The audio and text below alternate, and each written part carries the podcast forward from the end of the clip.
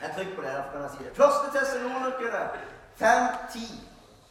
Han døde for oss for at vi skal leve sammen med ham, enten vi våker eller sover. Derfor må dere oppmuntre og oppbygge hverandre, som dere også gjør. Som dere også gjør, står det. Jeg skal snakke litt om vi gjør det. Det står jo her at vi gjør det, så da håper jeg vi gjør det.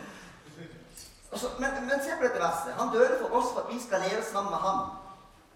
Det er litt rart, syns jeg. Det står 'derfor må dere oppmuntre og oppbygge hverandre'. For egentlig burde det stått eh, 'derfor må dere søke ham, være overgitte, be nok', 'derfor må dere dø bort fra dere sjøl'. Ja, alt det her står det andre steder at vi skal. Men det står ikke det. Det står 'derfor må dere oppmuntre hverandre'. Det er egentlig en veldig rar kobling, det her. Og hva sier? Å leve sterkt med ham, det knyttes altså veldig sterkt opp til hvordan vi lever med hverandre. Ser du det? Det er liksom en forutsetning. Han døde for oss for at vi skal leve sammen med ham, enten vi våker eller sover. Derfor må det oppmuntre og oppbygge andre. Å leve med ham knyttes altså sterkt opp til hvordan vi lever sammen som menighet, som søsken og med hverandre. Der kan du si amen. Flott. Da må det være verdt å kikke litt nærmere på. Det skal vi gjøre nå. Hvordan det spiller inn både på livet med Gud, og hvordan det spiller inn om vi vokser eller ikke vokser. Det gjelder å gå på treningssenter Kristoffer, årevis, og så er det aldri noen forandring. Da får du lyst til å jobbe. Sånn jeg opplever det. Nei da. Det er giv opp, da. Men hør, jeg har en søster. Hun heter Augunn. Nå, Noah, vis meg et bilde av Augunn. Hun er psykisk utviklingshemma. Her er det hun på stranda. Koser seg. Og hun har alltid vært utrolig interessert i å tegne. Hun har tegnet hele sitt liv. Og hun tegner så kraftfullt og med så mye farger. Hun tegner alt hun kan finne av tusj og penn og krittpenner og alt som hun kan få tak i. Og hun tegner og tegner. Hun tegnte så kraftig og gikk hull i arket til slutt. Og så har hun noen store Alltid de samme motivene. Mer sett tegningene. Har litt hjemme, tror jeg. Med store øyne. Altfor store. Altså ikke proporsjonert. Ikke realistisk. Og min far han er helt sånn sant med. Alt må være veldig realistisk og korrekt og riktig. Han har jo vært sånn eh, hjerte- og karspesialist. Så det er klart at eh, mens du står der og syr, så kan du ikke plutselig ja, jeg skal lage en liten sånn kunstnerisk sving her med stingene. Så det er klart, han har, han lært seg til. Korrekt, korrekt, korrekt. Så han har liksom prøvd liksom, men Øyvind, det er så bra å prøve å skryte litt av. Jeg er ikke veldig god på det, da, liksom, men òg det er ingen som har så store øyne. Du må liksom gå ned så, så han prøver å fortelle henne hvordan det skal være. Nå skal du høre. Ja, du ser jo. Det er litt store øyne og jenter med gult hår. Men nå skal du høre. Det kom en dag en fyr bort til meg. Han var kunstner. Anerkjent kunstner. Driver kunstgallerier ute på Lista fyr. Han som har disse rare kunstutstillingene. Men han er ganske anerkjent på landsbasis. Så kommer han og sier at han har vært på jobben til Augunn. Det er som verna bedrift. Og der henger det noen av tegningene som har tegnet i en pause antagelig. Og så sier han har du flere av de tegningene. Ja, sier jeg. Det har vi haugevis av. Kom og få så mye du vil. Han kom og henta masse tegninger. Prata med nå. Tok henne inn på studio der, sitt kunststudio. Ga henne ordentlig papir, ordentlig penn. Bla litt videre. Og så er det fremdeles sånn som det her. Det er hennes bilder i dag. Men nå skal du høre. Augunn er blitt en anerkjent kunstner. Det er helt utrolig. Min far ja, meg vi så ikke det. Ikke snakk i havet om at vi så det. Vi så for store øyne, vi så overdrevet bruk av farger, vi så altfor hard kritting som gikk utover hull på papiret. Noen av hennes kunstutstillinger i dag har fremdeles hull i arket. Det er kjennemerket for henne. Han så noe som vi ikke så hos min søster, med det blikket han hadde. Og han foredla det fram. Han ga henne ordentlig utstyr. Han fortalte henne ikke hvordan hun skulle tegne i detalj. Han bare forløste noe han så, men vi andre så det ikke. Så det var jo meget underholdende for meg. Jeg husker første kunstutstilling, separatutstilling på Galleri Lista Fyr. Hennes bilder de ble solgt på 3000 og 6000. De som har ligget i en skuff hjemme i årevis. holdt jeg på si. Og, og, der var det klassisk gitarist. Veldig flott og fint. Og det var kulturminister, holdt på å si. Det var det ikke, men det var ordfører. Og hun fikk eh, hva heter det nå? Kunstner... Eh, heter det ikke? Heter det? Hun fikk sånn penger fra staten der, og det var veldig artig å se far med en dress og kledde seg opp. Og, alle gikk ut, alle var ferdig med pump og prakt. og han så det var jo så fint med alle disse folka som gratulerte han. Jeg tenkte ja, ja. Det var ikke det vi så for oss. Men hør, hvor skal vi fram til? Vi hadde ikke peiling. Så tenker jeg, hvilke gaver ligger her? Bare her i kveld. Hos oss. Som vi ikke ser. Det er ikke lite. Og det her interesserer meg så mye. Fordi vi har så mye mer å gå på enn det du tror. Hvor er diplomaten? Hvor er entreprenøren? Hvor er gründeren? Hvor er den visjonære? Hvor er strategen? Hvor er visdommen? Hvor er sjelsørgeren? Hvor er kunstneren? Hvor er den ungdommelige kraft? Ja, det hadde vi jo litt av i kveld. Hvor er galskapen? Ja, ja. Jeg vet at Paulus sier dere må tåle litt galskap av meg, sier Paulus. Vet dere det? Så det må vi også ha med oss. Hvor er sindigheten? Benny, hvor er sindigheten? Og da puster alle letta ut. Å, endelig. Det er det. Det er sindighet. Men hør, det er fint at du er sindig, men alle kan ikke bare være sindige. Hva skjer da? Ingen framdrift. Alt blir bare rolig og koselig og trygt og godt. Hør hvor det stormer der ute. Her er det fredfullt og tyst. Det er det vi sikkert. Eller noe sånt. Hvor er skuespilleren? Hvor er danseren? Hvor er den overivrige? Hvem var det som var overivrig av, av disiplene? Vet dere? Det var Peter. Han var så ivrig. Han var en Han snakka lenge før han tenkte. Han var impulsiv. Han tok seg til rette. Han gikk langt utover sitt mandat flere ganger. Han tråkka i salaten gang på gang på gang. Men hvem ble Menighetsplanter nummer én. Peter. På deg vil jeg bygge min klippe, sa Jesus. Jeg kom tilbake til det. Hvem er du blant alle de som er nevnt opp? Vet du det sjøl? Har du tenkt på det? Har du reflektert over det? Det må du gjøre. Hvem er du av alle de jeg nevnte opp? For du er en av dem. Og kanskje flere. Ja, men trengs alt dette da i Guds rike, i menigheten? Ja. Jo mer, jo bedre. Du skjønner, Jo smalere vi blir, og jo smalere vi tenker om forskjellighet, jo mer skrumper vi inn. Det er veldig fristende å tenke at når vi alle tenker likt, når vi alle oppfører oss likt, når vi alle tilber likt, når vi blir en homogen, sterk armé Men det er ikke sånn Guds rike er. Og det er heller ikke sånn Jesus gjorde når han valgte ut disipler. Skal vi komme tilbake til. Vi må ikke tillate oss å bare bekrefte de mennesker rundt oss som har samme gave som oss sjøl, samme tenkning som oss sjøl. Og så ser vi ikke de andre. Da blir vi fattige som menighet. Og dette er noe jeg snakker om her, for dette er noe av visjonen til disse kveldsmøtene. er selvfølgelig frihet, helligåndskraft, men det handler veldig mye om mye dypere ting òg. Det handler veldig mye om å foredle dere. Det har dere kanskje skjønt, for mikrofonen er fullstendig åpen. Ikke noen som har blitt nekta å si noe som helst. Var det noen som lo òg? Du hører, du er entreprenør, f.eks. Altså, du elsker å rigge til. Er, og Hjernen din er bygd sånn. Du er på nett og du googler ting og du ser på ting, og du blir gira på å kjøpe lamper og jeg vet ikke hva det måtte være. Og så rigger du til. Og så kommer bønnefolket. De ser ingenting alt det arbeidet du har lagt ned. De er på vei til bønn. Jeg snakker ikke ned bønn. Alle vet at jeg elsker bønn. Men de ser ingenting, for de er på vei til bønn. Og det kunne ikke falle de på. Altså, Det er ingenting i, det, i de som sier at Oi, nå går du og bærer bordet her. Men jeg kan ta med meg et iallfall jeg er på vei til den døra, så jeg kan ta med meg et på veien. Ingen tanke i hodet om det. De er på vei til bønn. Snakker jeg mot bønn? Nei, langt. Snakker jeg mot det praktiske arbeidet langt derfra? Nei, men jeg snakker om å åpne sinnet vårt og blikket vårt, så vi blir en mer, holdt jeg på å si, en bredere gruppe som lever enda sterkere, mer enn noen gang, i en dyp anerkjennelse av hverandre, av de forskjellige gavene, og at alle trengs. Da har det fokus Jeg mener Jeg håper å si skryt av lovsangen, og det skal vi iallfall gjøre i dag. så det må dere ikke glemme. Skryt av talen om du vil. Det går veldig bra om du ikke gjør det, faktisk. Skryt av Miriam som har leder. Men skryt også til Lydningsen. Skryt også til Jonne som har vært her siden klokka tre i dag. Eller Kristoffer eh, som har vært med siden klokka ett. Det fins noen som legger ned mye tid og mye krefter. Og vi må anerkjenne hver og en. Ingen må favoriseres, men vi er ett team som skal bygge noe sammen, hvor alle er viktige. Og dette er utrolig viktig. Hvis du i tillegg er sånn at du sier ja, men jeg tror ikke det betyr noen ting om du, om du har rydda til Nei, ikke for det. Men for den som har det som gave, så betyr det noe. Det er utrolig viktig.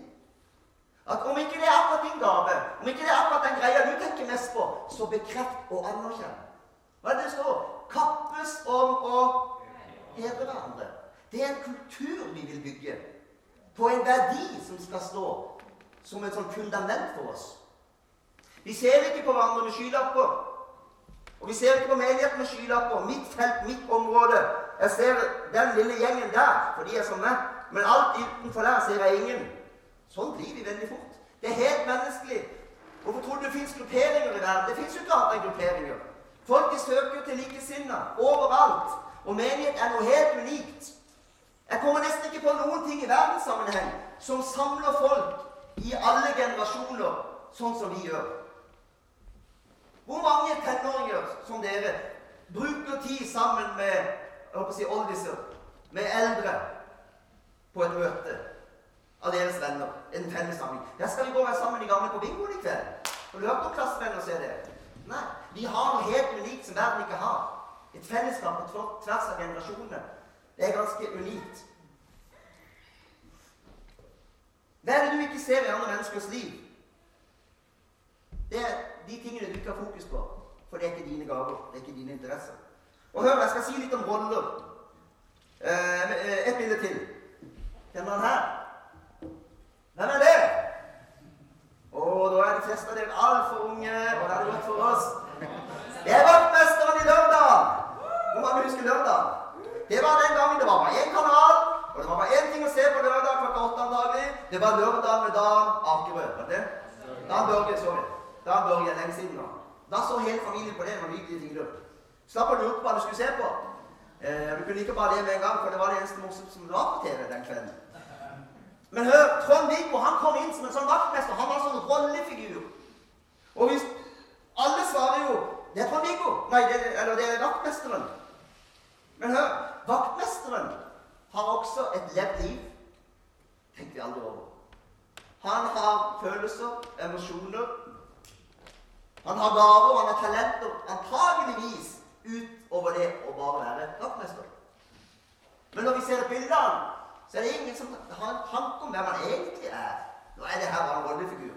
Men vet du hva, det er, det er veldig litt sånn vi lever. Skal Jeg snakke litt om det. Det er så mange oppgaver som må fylles i en enighet, at når, når, når lista er fylt opp med mennesker som kan fylle oppgavene, så stopper vi der. Da har vi fått gjort jobben. Fylt oppgavene, fylt rollene. Du er vaktmester, du er lovsanger, du har ansvar for det, og så er vi ferdige. Men hør, du er mer enn en vaktmester. Du er mer enn en lovsanger. Du er mer enn bare den som har en oppgave. Det bor veldig mye mer i deg. Gjør det det? Ja, det gjør det. Hvordan vet du det? Det bare vet jeg. Om vi ikke husker navnet på noen i menigheten Skam det. Men iallfall hva sier vi da? Jo, det er jo der, eller han der eh, som har ansvar for kafeen. Å ja, ja, hun, ja, sier vi. Som om vi kjenner henne. Eller vet han det? Vi plasserer hverandre. Ja, men det er Aslak, det er han som synger her oppe. Å ja, det er han, ja. Da vet vi det vi trenger å vite om han. Han har en lovsangstjeneste, det er Tor Aslak. Det er hans liv, det var lovsang. Amen. Nei, det er jo ikke det. Tor Aslak er mer enn bare lovsangen. Er mer enn bare forkynner. Spør meg, ja. Langt mer. Kompleks, mine.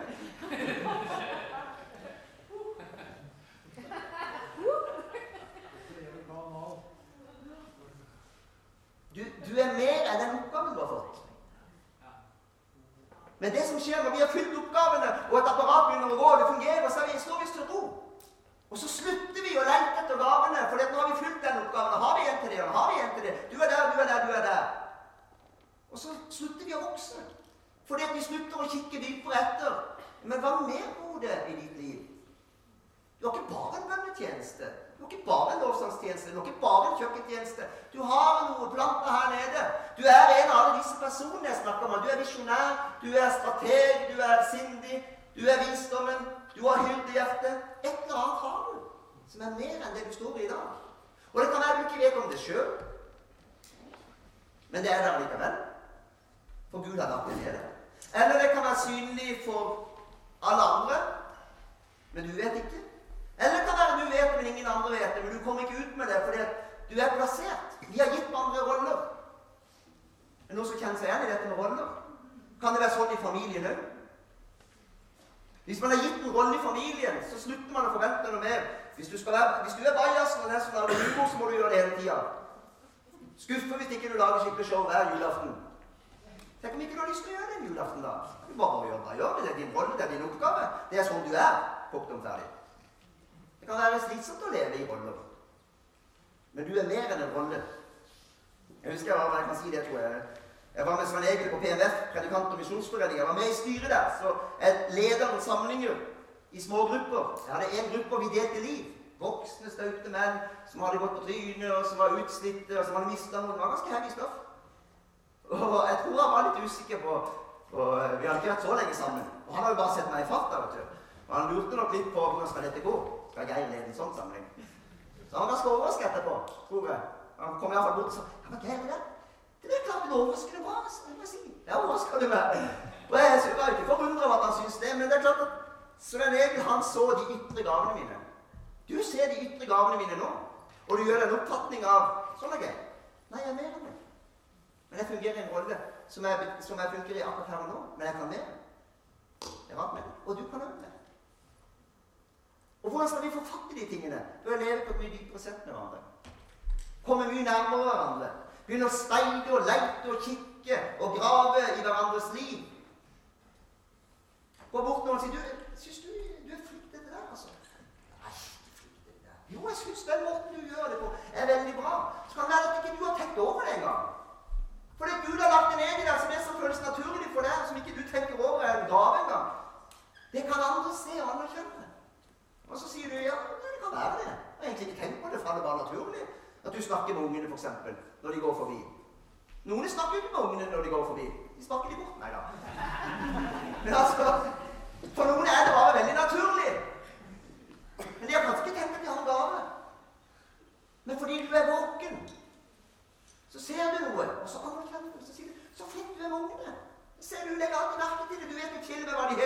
Sigbjørn er en sånn han vet jo alle heter. Alle vil jo være på fanget og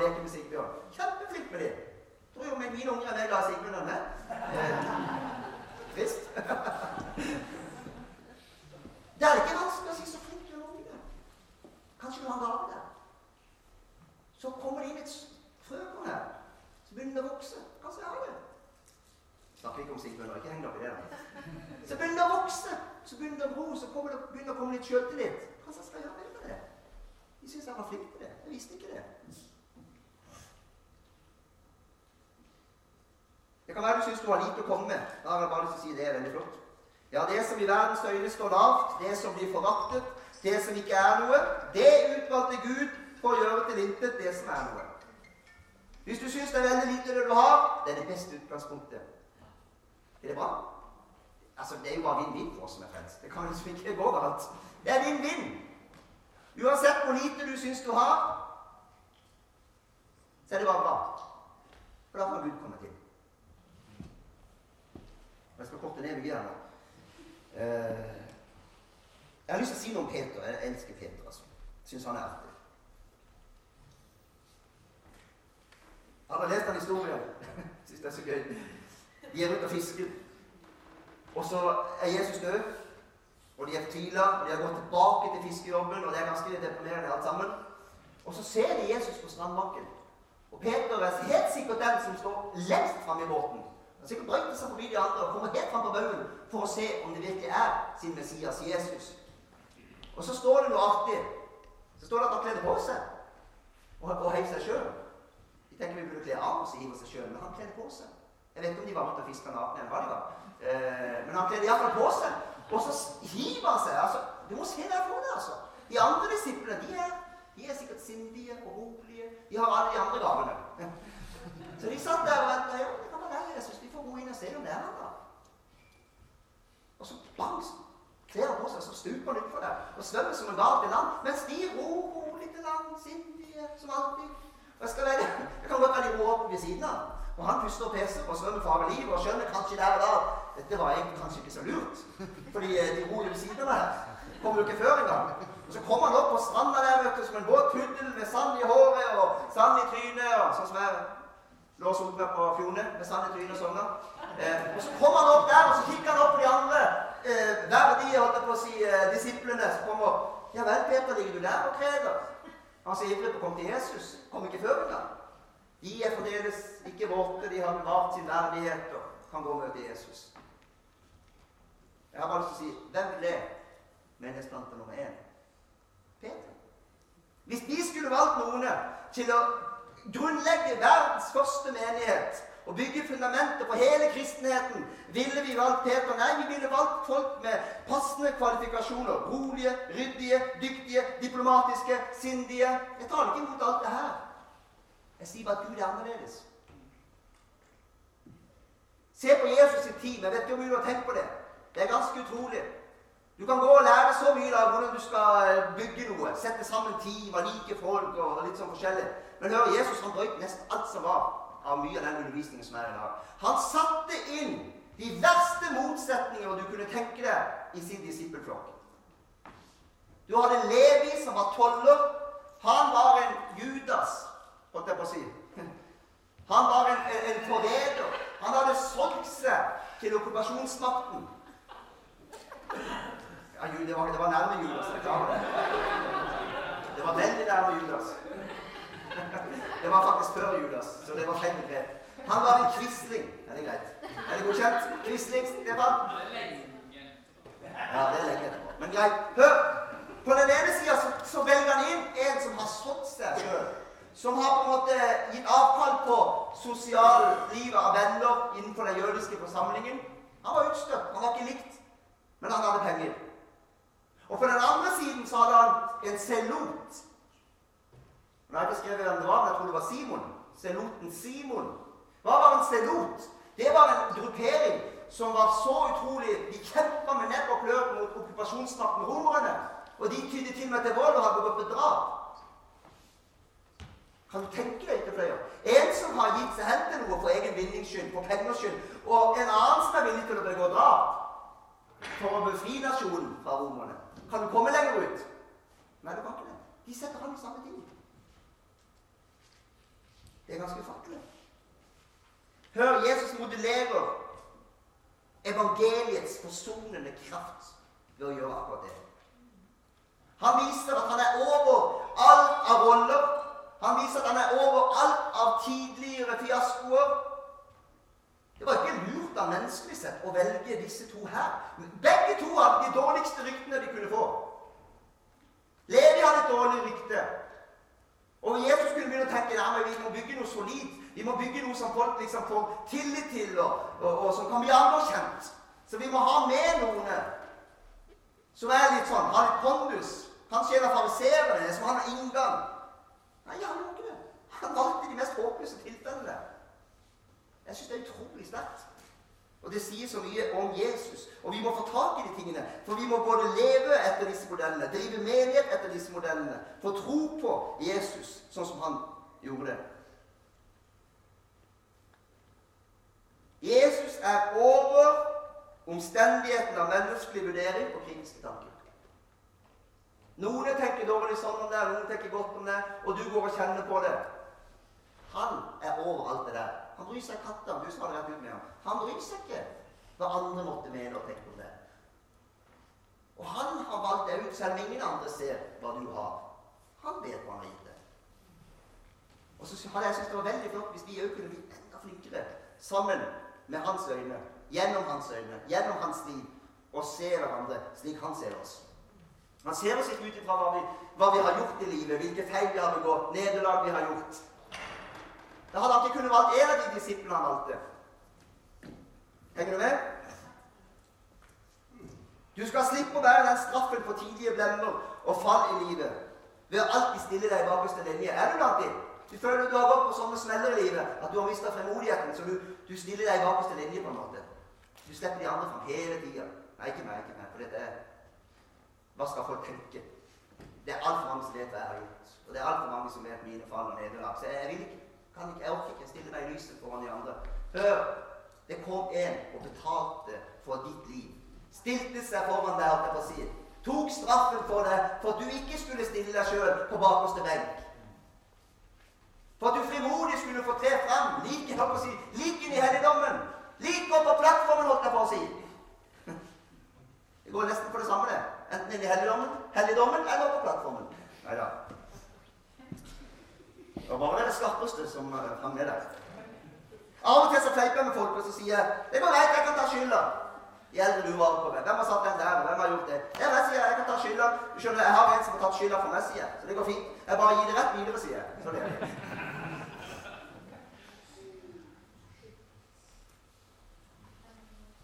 Hør, Jesus så mer enn de gitte rollene.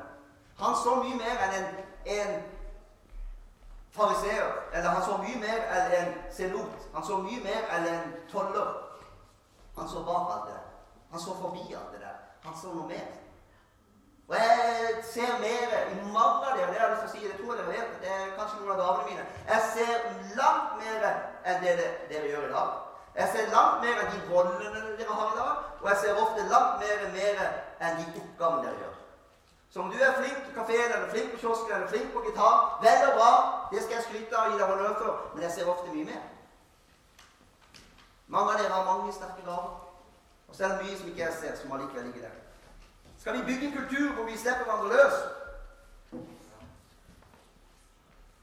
Hvorfor gjør vi ikke det mer? Det er personlig utrygghet som gjør det. Det er ikke noe annet. Det er bunnenhet av tidligere fall i våre egne liv. Det er våre tanker om hvordan de andre tenker om oss, som gjør det. Hør til avslutning. Den hellige ånd er sterkere enn din fortid og dine blemmer. Amen.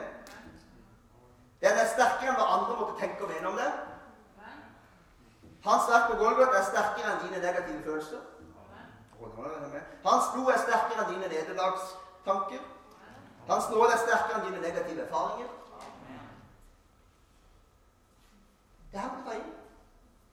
Du blir forløst av det her. Du blir kjøpt fri. holdt jeg på å si. Du er allerede kjøpt fri, men du blir forløst inn i hva du skal være for å føle deg fri. Er det noen her som aldri har følt seg bundet? Nei. Ikke det heller. Er det noen som har opplevd å være et sted og tenkt at å, skulle ønske Egentlig kunne jeg tenke meg, men tør ikke. For det ser ikke ut som de andre er åpne for det. Hvor mange har vært på bønnemøte hvor du Jeg syns ikke det er et problem hos oss, men jeg har vært en del andre steder hvor du nesten bruker mer tid på å føle på hva blir greit, og hva blir ikke greit for de andre nå, hvis det er sånn eller sånn. Det er sånn vi er, vi mennesker.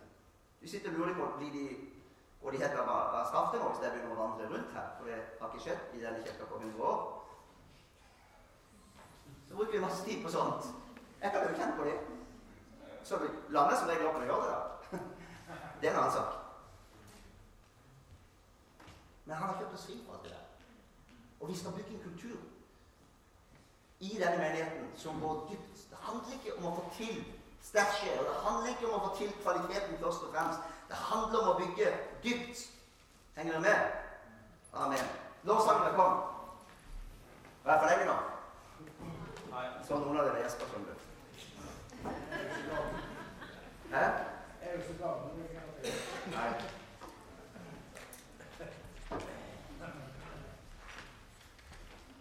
Skjønte dere hva jeg snakka om? La oss passe på disse grupperingene våre. Skal vi det? Supplementer andre som driver med andre enn det du har kommet. Ta et tak der det trengs. Om ikke, du eh, vet, om ikke det er akkurat din nådegave, ta tak allikevel. Gjør det i solidaritet. Gjør det som en bekreftelse. Er det greit? Amen. Kan vi reise oss opp?